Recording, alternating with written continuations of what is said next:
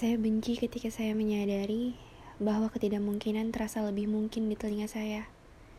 Saya kalah telak jauh sebelum kau tolak. Saya tidak punya kekuatan apa-apa untuk memenangkan pertarungan antar suara yang terjadi di kepala saya. Saya benci ketika harus mengakui bahwa saya memang lebih akrab dengan kekalahan. Saya pesimis.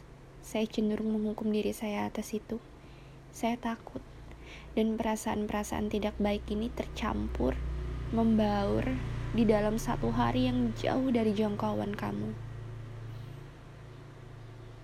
Hari ini, bersama orang baru, ternyata kamu masih tertimbun di dalam semoga aku.